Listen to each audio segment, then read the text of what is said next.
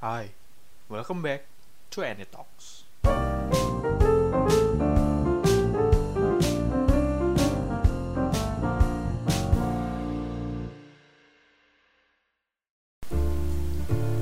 Oke, kalau kalian tadi dengar bumper dari intro podcast ini, sekarang gue udah bareng sama teman SMP gue yang bikinin intronya. Di sini ada Nicholas Joel. Yoi, halo halo. Apa kabar yo? Baik baik. Gimana lo? Baik juga. Aman-aman, baik juga. Aman. Jadi Joel ini temen SMP gue waktu itu dari eh, sekelas waktu kelas 9 ya? Eh ya, gue sekelas sama lu kelas 9 waktu itu. Nah, kelas 9 dan hari ini topiknya nggak jauh-jauh dari yang tadi gue bilang. Eh, Yoel ini udah lumayan expert lah ya kalau dibilang di bidang musik dan dia juga udah rilis satu albumnya di eh, Spotify. Iya, gue udah rilis. Eh, Oke, Yo selama ini lu udah ngapain aja di dunia musik? Di musik ya kalau lu bisa lihat sekarang akhir-akhir ini ya gue lebih aktif di produksi lagu sih. Di produksi lagu eh, buat single, buat mini album gitu. Dan mungkin kalau eh, hal lainnya di musik ya gue ngelesin juga sekarang. Ngelesin privat Oh, private. eh, piano. Oh, piano aja berarti. Hmm, Nggak- piano. oh, baru piano. Eh, itu lu produce musik itu Hmm. cuman bikin nadanya aja atau bener-bener mulai dari dari liriknya, dari komposisi suaranya sampai eh, distribusinya lu sendiri semua gitu. Eh ya, kalau untuk yang gua sendiri yang atas nama Nicholas Joel ya berarti di Spotify itu semua lagu gua tuh produce sendiri semuanya dari pembuatan musik, lirik dan sampai nanti gua distribusiin ke store-nya gitu. Eh, lu mulai belajar musik itu pas umur berapa yuk? Gua mulai belajar musik dari TK. TK gua umur berapa? Dari TK, bener-bener Iya, jadi bener-bener dari kecil ya. Iya, gue jadi TK, waktu TKB kalau nggak salah, gue tuh dimasukin apa, eh, dilesin piano klasik dulu awalnya di ini di Purwacaraka, Oh, di TKI iya. 2 Ah. depan rumah gue tuh. Nah, nah di sana gue awalnya dimasukin sama orang tua eh, masuk apa piano klasik dilesin. Sebenarnya waktu itu juga nggak tahu gue bakal apa sampai sejauh ini. Sebenarnya di lesin musik ya cuman tujuannya ya untuk kan musik kita main piano bisa menyeimbangkan otak kiri sama otak kanan kan waktu dulu. Apa Hmm. orang mikirnya kayak gitu kan. Ah, Nah, dimasukin sama orang tua gue les piano klasik dari TK. berarti udah bener-bener eh, dari udah terlatih banget ya maksudnya dari kecil dan selama itu apakah lu bener-bener ya dari TK sampai sekarang kuliah tuh bener-bener ya udah aja musik terus gitu atau pernah misalnya ada momen di mana lu eh, stop bermusik dan eh, melakukan hal yang lain gitu Sebenarnya ketika waktu dari TK itu kan gue piano klasik tuh. Piano klasik Ah. kan jatuhnya eh, apa ya? Kayak baca partitur gitu kan. Hmm. Ya, piano klasik tuh belajarnya. Sebenarnya gue bosen apa belajar Oh, iya? waktu itu sempat jenuh di kelas 6. Gue jenuh di kelas 6 jadi berhenti piano klasik. Terus eh, apa guru les gue bilang katanya kamu kalau bosen klasik coba ke pop gitu. Hmm. Akhirnya gue masuk lah ke pop, gue cobain, progresnya cepet ya dari pop gue. Tahun Oh. setahun tuh lulus grade, lulus grade, dapat sertif, sertif, dan terakhir gue sampai grade 3 Jadi ada 4 grade kalau piano pop tuh, sampai grade 3 dan tinggal satu grade lagi. Cuman waktu itu gue udah mau UN kan, kelas 9 kalau nggak salah. Hmm. Udah mau UN dan gue pindah juga, eh, udah gak di talenta, jadi ya apa ya, agak sibuk gitu, jadi gue berhenti. Hmm, berarti kalau bisa dibilang lo kayak apa ya accidental juga ya bisa masuk ke musik itu Hmm, iya soalnya kayak karena ya, udah cuman terlanjur kecebur apa terlanjur basah istilahnya ya. Hmm, iya.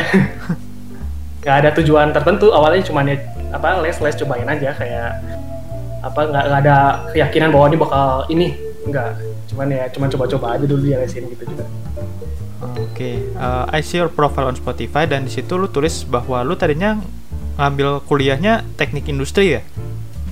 Eh ya gue sempet di TI eh, tiga semester gue di sana Dan terus eh, kenapa lu akhirnya pindah ke musik? Apakah emang karena ya udah this is my passion gitu? sebenarnya gue masuk TI juga apa ya bukan keinginan gue sendiri Hmm. Dalam artian bukan orang tua juga yang nyuruh. Tapi gue waktu itu dalam satu kondisi gue bingung mau ambil jurusan apa. Lalu gue ke bawah temen gue ke, ke bawah pergaulan. Nah ini sebenarnya salah. Hmm. gue ke bawah pergaulan teman-teman gue banyak yang masuk TI mereka bilang udah masuk TI aja.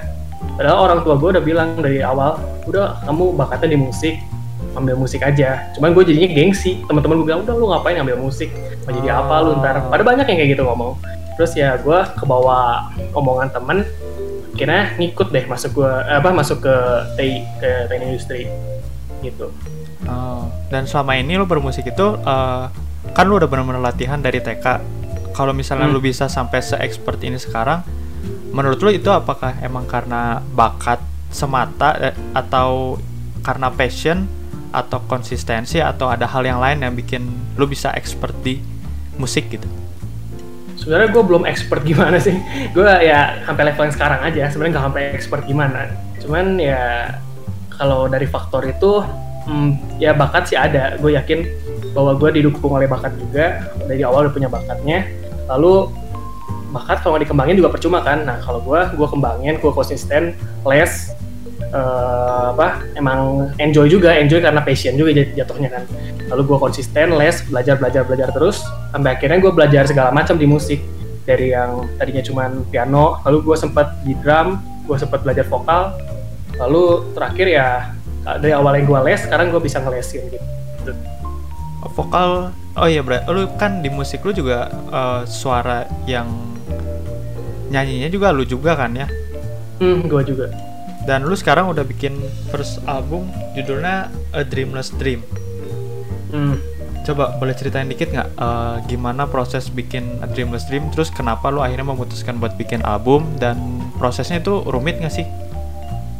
Eh, Dreamless Dream ya jadi sebenarnya sebelum Dreamless Dream gue udah sempet kan nyiptain dua single Oh iya. Waktu di Januari iya gue sempet nyiptain Ah, ah. waktu itu sempat di apa debut jadi jatuhnya debut lalu gue publish. Nah cuman waktu itu gue masih idealis orangnya. Gue di terlalu overthinking juga. Jadi kayak sebenarnya expect eh, apa gue expect bahwa lagu gue ini bakal bukan bakal hits bakal sampai gimana. Cuman gue expectnya lagu ini bakal didengar sama teman-teman gue lah intinya. Hmm. kayak berharap setidaknya dari followers gue di Instagram tuh setidaknya 80% atau 60 sampai 80% lah eh, kayak ngedengar gue. Jadi terus gue lihat ternyata berdasarkan data dari aplikasi kan ada jadi kayak gue di Spotify artis tuh ada berapa banyak pendengar listener dari kota mana kayak gitu. Hmm. Kelihatan dari teman gue sendiri ternyata hanya 50 sampai 60 orang. Nah, terlalu cuman gue itu waktu terlalu idealis, gue terlalu berpikir bahwa kayak ah teman gue nggak ada yang peduli nih sama gue kayak nggak ada yang nganggep karya gue cuma dikit Hmm. doang dari banyak segitu segitu banyak apa maksudnya saya kira dari 1000 followers kok cuma 50 60 nah kira gue karena overthinking terlalu ini juga kira yang gue delete gue delete tuh Oh dua iya? lagu Soalnya dua lagu itu gue masukin lagi ke Dream Oh, Dream jadi sekarang- Cloudy Day sama Discord. Oh, jadi kalau di sama diskotik itu sebenarnya udah pernah di upload Hmm. ya. Cuman sekarang Udah dimasukin lagi jadi eh, album iya mini album ditambah lagu dua lagi tuh ada yang apa aja tuh? Wasted Love Wasted Love sama Rhythm of the Tears Ah. hmm. Dan itu susah nggak sih? Maksudnya prosesnya eh, panjang nggak atau gimana? kalau secara general gitu misalnya al- album apa pun lah. Kalau gua buat lagu intinya gue biasa awalnya mulai dari musik dulu. Jadi gua nggak dari lirik gue dari pembuatan musik dulu. Jadi gua brainstorming nih. Karena dari software udah banyak uh, plugins. Plugins itu kayak contoh apa sampel-sampel suara gitu. Dari gua gua ulik-ulik gitu sering ngulik. Ternyata seru nih suara ini kayaknya cocok dipakai buat genre ini genre ini. Kira gue ulik-ulik jadilah satu kerangka lagu yang terdiri dari kadang 1, pre-chorus, jadi chorus, terus verse 2, chorus lagi. Hmm. Jadi pokoknya jadi satu utuh lagu lah. Nah, terus ketika gue udah bikin satu utuh lagu, gue denger vibes-nya tuh gimana nih cocoknya. Nah, baru gue sana bercerita melalui liriknya.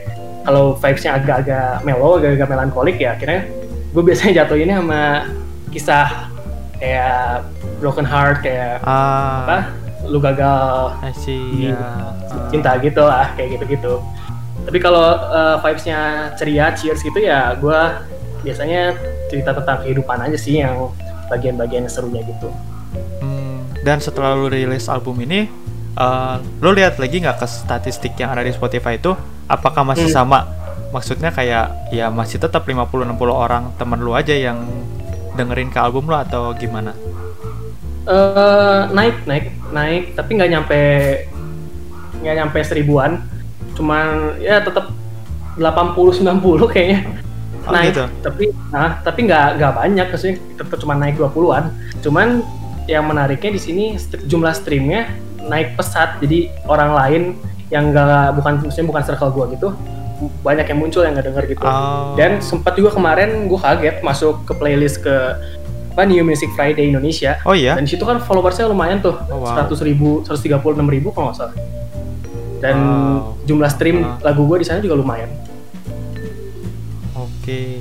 Jadi genre lo eh, genre lagu lo itu eh, apakah bakal tetap terus sama kayak album A Dreamless Dream atau misalnya nanti tiap album akan berbeda genrenya, akan beda eh, konsepnya gimana?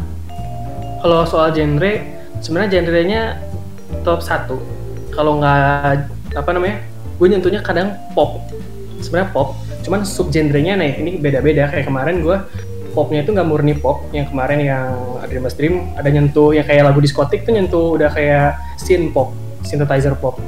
Lalu yang Wasted Love udah ada R&B-nya dari vokalnya juga agak soul gitu agak-agak balad juga. Jadi sebenarnya udah agak nyampur sih kalau genre. Cuman genre paling atasnya genre utuhnya ya tetap gue pop. Oke. Eh, lu kan sekarang ngambil music business ya di Sai Hmm. Institute kalau nggak salah di Jakarta ya. iya iya di SI Nah, itu apakah maksudnya ngambil music business itu jangka panjangnya lo akan pengen jadi seorang uh, business person di bidang musik atau lo akan tetap cuman jadi um, ya musician aja gitu? Nah itu eh, kalau sementara sih saat ini ya gue masih sebagai performer, musician. Nah cuma nanti gue berharap dengan gue belajar bisnisnya, kan nanti kalau bisnis itu sebenarnya lulusannya tuh jatuhnya harusnya kerja di label atau mendirikan sebuah label mungkin Hmm. major label atau sub label, sub label kecil, mini label. Mungkin juga sebagai ini apa plan organizer atau IO juga gitu yang kayak membuat sebuah konser, contohnya kayak synchronize, playlist festival kayak gitu gitu. Kalau musik bisnis uh, tujuannya arahnya ke situ. Nah, cuman di sini gue manfaatin juga gue sebagai performer dalam artian dengan gue terjun ke musik bisnis kan nanti gue terjun ke industrinya. Gue pasti banyak hal banyak kenal orang-orang yang udah established yang udah terlibat di bidangnya gitu. Jadi ya siapa tahu uh, mereka suka dengan apa musik gue, siapa tahu ya mereka mau kelola maksudnya mau kerjasama gitu. Jadi gue Ah. mungkin terikat dengan label tertentu gitu. Siapa tahu kan nggak tahu ya. Jadi dengan lo masuk musik bisnis lo uh, secara nggak langsung masuk ke uh, ketemu sama orang-orang yang istilahnya punya kepentingan di bidang musik gitu ya. Dan akhirnya bukan menutup kemungkinan bahwa pada akhirnya lu ntar bakal bisa kolaborasi sama mereka gitu ya.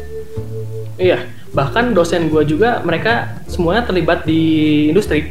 Dosen-dosennya ya terlibat industri. Ada dosen gue dulu dia ini yang uh, develop kangen band. Oh wow. Sampai jadi. Ya lu tau lah kangen band dengan Iya, image itu Udah bener-bener ha, ya dia dia kelola dia yang membuat dari awal sampai akhirnya setenar itu lalu ada juga apa yang nge, eh, nge-develop Anang Her, Anang sama siapa Syahrini Asyan. sama Syahrini Oh, Syahrini. Nah, jadi kayak ngebuat story-nya, dibumbu-bumbuin sama kayak gitu sama dosen gue gitu. Ada juga dosen gue yang sempat di label dia ngelola hi-fi. Oh, hi-fi ya. uh, hi-fi terus gue lupa apalagi ada beberapa lah. Jadi intinya Ocean Seven. Terus ya intinya sih dosen gue juga emang orang ini, orang industri gitu. Hmm. Berarti lu sebenarnya lebih enjoy di setelah pindah kuliah ya dibanding waktu lu masih di TI dulu. Hmm, Iya, waktu di TI dulu gue kayak belajar juga nggak niat, makanya gue nilai ya nilai sih masih masih buk masih biasa sih, nggak sampai bagus gimana. Tapi dibandingin waktu gue SMP SMA ya jauh banget, jauh banget. Nah. Waktu SMP SMA ya gue lumayan lah. Iya, lu dulu kuliah, waktu SMP SMA nilai lu gue inget sih, eh waktu SMP dulu masuk cukup yang berprestasi bidang akademik gitu. Iya lumayan lah waktu SMP. Tapi puncaknya gue SD. Waktu SD gue wow banget. Hmm. SMP gue udah mulai kenal teman, kenal game, kenal semuanya entertainment ya mulai turun sih dari SMP, SMA sampai kuliah. Akhirnya ya itu tadi di TI gue kayak belajar tuh males karena apa ya nggak sesuai dengan apa yang gue pengen. Maksudnya kayak gue kena tadi awalnya ke bawah teman doang. Nah jadi ya sebenarnya mungkin yang buat yang ngedengerin podcast ini mungkin yang masih kelas 11 kelas 12 gitu ya mau bingung milih kuliah intinya jangan sampai lu cuma gara-gara ngikut temen doang pada akhirnya lu bakal kesiksa lah ya. ibaratnya lu 8 semester nanti lu kesiksa bisa lulus bisa atau nggak bisa tahunnya nggak tahu berapa berapa tahun cuman ya itu lu nggak bakal enjoy 8 semester itu lu nggak bakal enjoy lu nggak bakal kayak kesiksa banget kalau lu emang nggak suka dengan apa yang lu jalanin gitu Hmm, intinya jangan ngikut jangan ngikut apa kata orang gitu ya. Hmm. Kan lu yang kenal diri sendiri, lu tau lah apa yang lu suka. Terus mana yang lu suka itu juga tentunya harus apa ya punya value, punya bisa menjual, maksudnya kayak nantinya ada bisa menghasilkan lah. Jangan lu suka tapi nggak ada hasilnya kan percuma juga. Hmm. Uh, is there any moment in your life when you think uh, I must stop and move to another things gitu?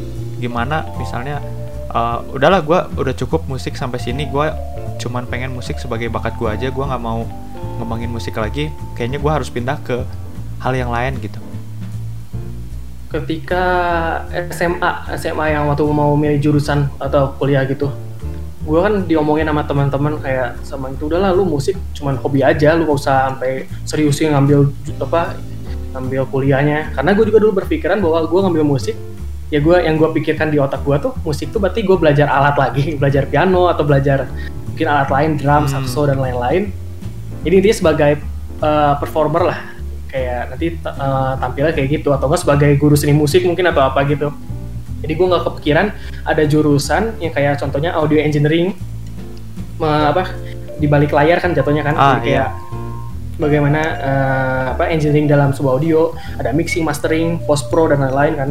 Terus uh, ada juga musik bisnis di SI ini jadi ada dua. Nah ketika itu uh, waktu yang gue di Unpar akhirnya gue memutuskan keluar. Saya itu gue udah bayar semester 3 padahal Hmm. sebenarnya. Tapi akhirnya karena ditambah oleh apa ya ada suatu problem ada beberapa problem lah dengan apa dengan asisten dan lain asisten dosen dan lain-lain. Akhirnya ya apa namanya gue males jadi gue keluar gue keluar dan gue survei ke SAE nih. Gue sempat kunjungan juga sama teman gue ada teman gue sama. Teman lu juga nggak teman gue ini? Oh iya siapa tuh? Eh, teman SMP lu juga. Dan ini gue bareng kita ke SAE dan survei lihat-lihat eh, apa apa sih sebenarnya musik bisnis tuh eh, audio lu gue interview sama dosennya dijelasin panjang lebar dan akhirnya ya gue memutuskan untuk eh, musik bisnis dan sebenarnya gue pikirin gini kan waktu itu kenapa gue bisa salah masuk TI gue nggak lihat ini nggak lihat rincian per semester tuh maksudnya TI itu bakal ngapain belajar apa Oh. aja gue nggak baca mata baca kuliahnya sekali. apa aja gitu ya Hmm, hmm. Jadi gue buta banget tentang TI. Jadi gue main masuk-masuk aja. Nah, terus gue yang musik bisnis apa musik bisnis ini gue dijelasin sama dosennya kayak semester satu kamu ini belajar tentang ini nanti semester 2 ini ini ini. Terus gue jadi gue udah punya bayangan lah. Gue selama apa nanti ke depannya bakal ngapain aja di musik bisnis itu. Jadi ya akhirnya gue yakin pindah gitu. Oh. Dan tadi lu sempat cerita di awal kalau misalnya orang tua lu uh, justru mendukung lu awalnya buat masuk ke musik ya. Iya. Nah, setelah lu memutuskan buat pindah dari TI ke musik, reaksi orang tua lu gimana? Eh, sebenarnya waktu yang sebelumnya juga ya sebelumnya waktu gue masuk TI sebenarnya si orang tua juga udah agak aneh agak nggak setuju gitu. Hmm. kayak kok masuk TI tiba-tiba. Karena hasil psikotes gue juga kan gue sempat psikotes tuh. Ya, psikotes eh, musik 90 berapa persen tuh musik hasilnya 90 berapa persen musik sisanya tuh ada di manajemen bisnis sama kedokteran tapi gue malah masuk ambil teknik kan gak nyambung kan benar, benar. Dan ketika lu pindah, apa gimana reaksi? Oh ya, pindah tua? waktu pindah sebenarnya karena didukung apa sih di, di- apa ya ditambah oleh problem yang ada beberapa problem di ku- kuliah waktu itu sama adalah masalah tentang aturan-aturan tertentu gitu jadi kayak gua kena sanksi gitu Hmm. Terus gue kira sanksinya apa ya? Bakal bakal ringan karena itu karena menurut gue sendiri apa yang gue langgar itu eh, ringan hal yang sepele PR doang gitu. Kayak PR gue kayak gue kerja sama PR Ah, lalu dikasih sanksinya E. Gue kaget sana dapat sanksi E karena gue pikir hanya PR kenapa bisa E? Dan itu kan kayak ada asistensi gitu teman-teman gue juga yang melakukan hal yang sama kayak kerjasama itu banyak bahkan dibantu sama asistennya. Sedangkan Ah. asisten dosen gue asisten gue ini asisten dosen gue ini malah ini apa ngelaporin gue ke dosen. Dilaporin gue dipanggil lah. Akhirnya ah. kena sanksi. Sanksinya gue kira ringan ternyata eh ya udah. Situ gue mulai tambah-tambah dan apa namanya gue cerita ke orang tua gini-gini gini. Terus kayak mereka juga kok aneh sih? Cuman gitu doang. Kok lu sampai apa sampai dapat E gitu terus ya akhirnya ya udah. Terus uh, ditambah ada masalah lagi ternyata nggak uh, semester depannya jadi semester 2 semester 3 gue ditambah masalah lagi ada masalah kelompok lah.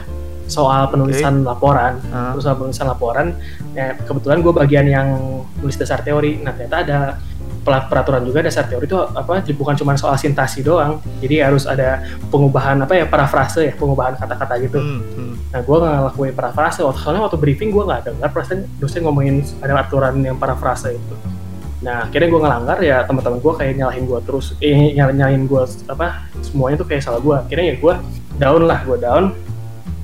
Gue nggak makan waktu itu inget dua oh, hari iya? gue nggak makan Wah, dan sampai segitunya ya Nah, gue kayak down banget. Gue dua hari nggak makan. Suatu ketika, gue minum di waktu itu kan gue ngelesin. Gue dikasih minum apa ya? Gue lupa.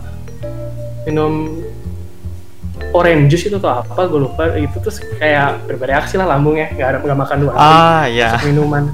Nah, muntah-muntah seharian.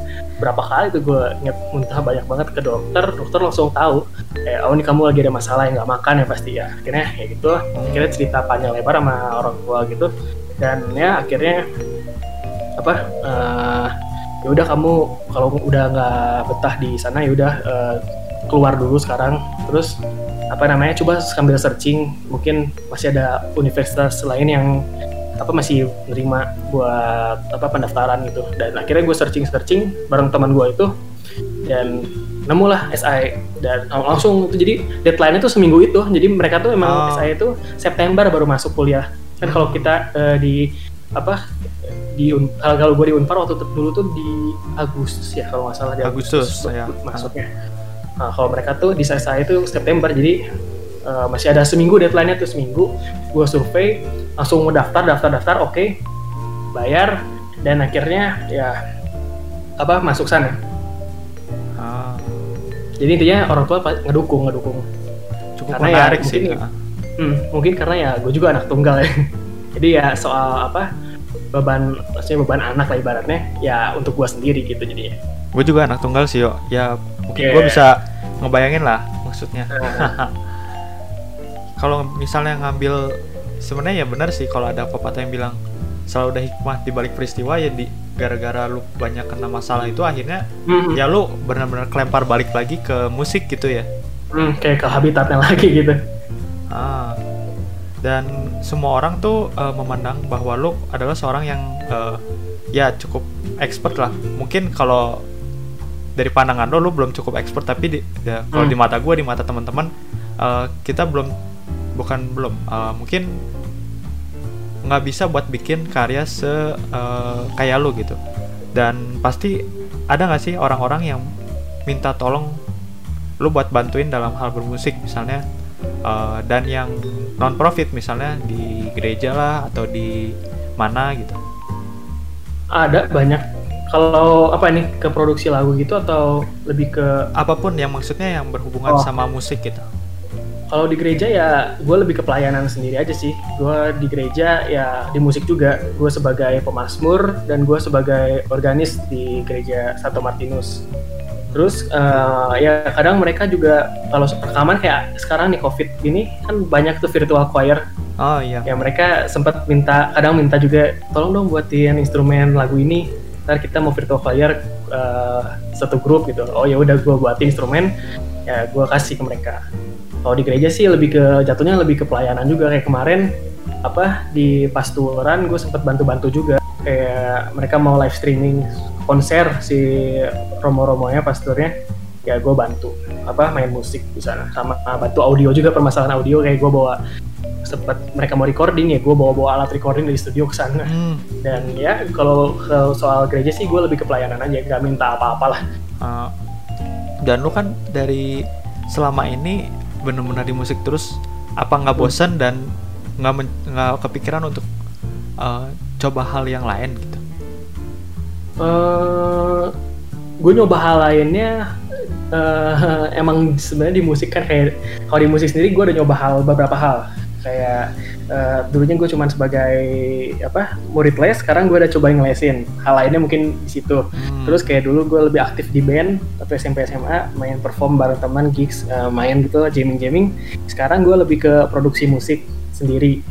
Itu kalau di musik gue perbedaannya itu kalau di hal lain sih apa ya mungkin hmm, sejauh ini nggak ada cuman gue sekarang mulai tertarik nih kayak gue lagi dapat mata kuliah tentang entrepreneur oh, bisnis iya. startup gituan jadi kayak gue juga kepikiran bahwa apa ya sekarang tuh lebih enak ini kan sebenarnya kayak kerja sendiri lo oh, iya, yang iya. manage uh. sendiri lu startup kayak sebagai entrepreneur daripada lu kerja sama orang kan ya gue pengen coba-coba aja kayak nge, nge apa nge-branding suatu produk lalu gue coba cari market yang sesuai dengan produk gue lalu gue jual ke pasaran. Cuman ya sampai sekarang inovasinya masih belum ada sih.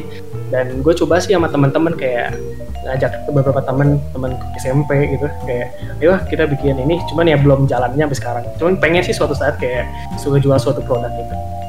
Uh, it's good sih menurut gua uh, kalau cuman musik doang kayaknya eh, nggak uh, cukup kalau misalnya lu udah punya skill. Kayak misalnya sekarang lu belajar tentang manajemen dan bisnis mungkin itu bakal jadi salah satu hal yang bikin karir musik lu lebih melesat lagi gitu ya Hmm, ya soalnya kayak gue berpikiran bahwa uh, ada kan banyak musisi yang karyanya bagus tuh, yeah. tapi nggak nyampe ke market, jadi kayak viewersnya cuma dikit, kok cuma segini doang. Ya itu hmm. sih balik lagi ke itu, bagaimana mereka nge-branding si apa mereka sendiri, lalu menyampaikan lagu mereka ke marketnya kan ada, ya itu ada proseduralnya, ada ada teorinya juga lah. Kayak gue belajar kemarin di semester 1 tentang consumer behavior bagaimana perilaku konsumen di musik. Ada tiga berdasarkan demografinya, psikografinya kayak gitu. Gue belajar belajar kayak gitu sih kalau di bisnis musik. Jadi nggak ah. kayak orang kan mikirnya gue mengambil kuliah musik lagi kayak belajar art musik itu enggak. Gue di bisnis musik belajar soal bisnisnya. Dan itu juga menurut gue bisa diterapin ke bisnis secara general. Karena ya apa teorinya sama sebenarnya. Cuman mereka lebih dikerucutkan lagi ke musik gitu. Uh, uh, lu bilang tadi sempat uh, sekarang udah buka kursus musik sendiri. Mm, yeah. Namanya Rooftop Rooftop Studio ya. Iya yeah, Rooftop Studio. Nah itu gimana? Awalnya kenapa kenapa bikin uh, les musik? Apakah di, didorong sama orang tua buat bikin kursus sendiri atau gimana? Uh, sebenarnya awalnya gini ada jadi ada satu ada tetangga lah ibaratnya di lingkungan gue gitu di dekat rumah. Hmm? ya tuh ya apa anaknya tuh emang pengen banget belajar piano. Nah, terus tahu gue, jadi orang tuanya tahu kan kalau gue uh, aktif banget di gereja, terus uh, apa uh, di musiknya kan, di kayak oh organis gereja nih, terus di musik juga kayaknya udah lama banget. Nah, terus akhirnya kayak mamanya apa orang tuanya bilang kayak, tuh kamu belajar sama si Koyoel aja. Terus akhirnya ya gue terima aja. Awalnya gue kayak males, aduh, kayak gue belum punya keberanian juga untuk mengajar tapi ya akhirnya kalau nggak dicoba ya HP kapan pun juga nggak bakal bisa ah, kan akhirnya gue coba ah. gue coba dan ternyata gue bisa nerapin apa yang gue dulu diajarkan oleh uh, guru les gue dulu jadi kayak gue apa murid itu harus belajar fingeringnya melatih tangan maksudnya kayak uh, bagaimana bermain piano dengan benar tangannya kan jarinya harus benar tuh hmm. apalagi piano klasik kan kalau piano klasik bukan cuma soal didengar kan kalau mereka perform uh, ada suatu konser orkestra gitu kan kalau klasik gerakan tangan juga diperhatikan oh, di sebuah gitu. art gitu kan. Hmm. Oh. Jadi ya akhirnya gue tertarik untuk ngajar, dapat satu murid, terus ya dari lingkungan gereja juga ada uh, oh. teman apa? Uh, jadi mamanya tuh dia dikur di, di paduan suara, tahu kan gue sering ngiringin, akhirnya anaknya uh, pengen les juga katanya, tapi pengen privat ya. Udah ke gue akhirnya minta apa uh, les. Oke okay, kayaknya gue, saya juga bisa tapi intinya ya gue masih daerah-daerah yang apa ya deket rumah gue sih. Soalnya kan gue terbatas sama waktu juga. Hmm. apalagi gue kuliah di, di Jakarta kan. Sempat gue sempat off kok. Sempat off 3 sampai empat bulan gue nggak ngelesin karena kuliah. Ngatur waktunya agak susah gue di Jakarta ah, terus bolak-balik ya, Bandung ya. Hmm, bolak-balik Bandung dan tapi gue emang udah pasti bolak balik Bandung sih kalau tiap weekend soalnya kayak di Jakarta gue nggak gue no life di Jakarta. Kayaknya gue bolak balik Bandung teman semua di Bandung weekend ya di Bandung di gereja juga minggu kan gue tugas tuh. Di sana gue satu minggu ya cuma di kosan doang nggak tahu mau ngapain. Hmm. uh, dan lu udah rilis album sendiri apakah nanti ke depannya kalau ada label record yang bakal uh, yang tertarik sama lagu lu apakah lu akan bergabung sama record label itu atau lu akan tetap memilih untuk jadi independent musician? Uh, ya gue lihat selama itu lebih menguntungkan yang mana uh, ya pasti gue ambil yang itu yang lebih menguntungkan tadi. Cuman dosen gue selalu bilang kalau misalnya seandainya ada manajemen yang mau narik lu ya lu lu tanya ke si manajemen itu bahwa lu mau jadiin gue tuh sebagai apa. Jadi harus jelas gitu jangan cuman apa kita ter tertarik tergiur dengan apa uh, dengan ajakan mereka kayak oh ini gue ditarik sama label. Tapi ya harus jelas maksudnya mereka tuh mau membawa gue sampai mana ingin menjadikan gue sebagai seorang yang gimana gitu sebagai artis atau sebagai uh, musisi yang kayak gimana. Jadi ya itu harus jelas juga.